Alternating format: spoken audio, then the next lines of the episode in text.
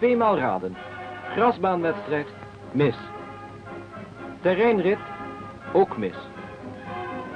Dit is het. Voetbal op motoren. Een behendigheidsspel dat in Frankrijk een grote populariteit geniet.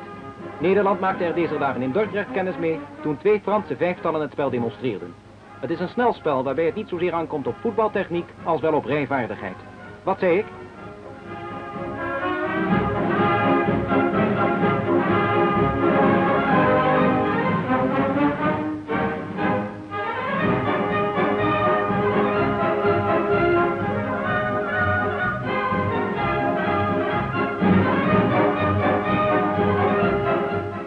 De doelverdedigers zijn de enigen die de bal met de hand mogen spelen, mits ze in contact blijven met de motor. Het lijkt ons dat de scheidsrechter het niet altijd zal kunnen bijsloffen. Te meer als we bedenken dat er vaak snelheden van 60 km per uur bereikt worden.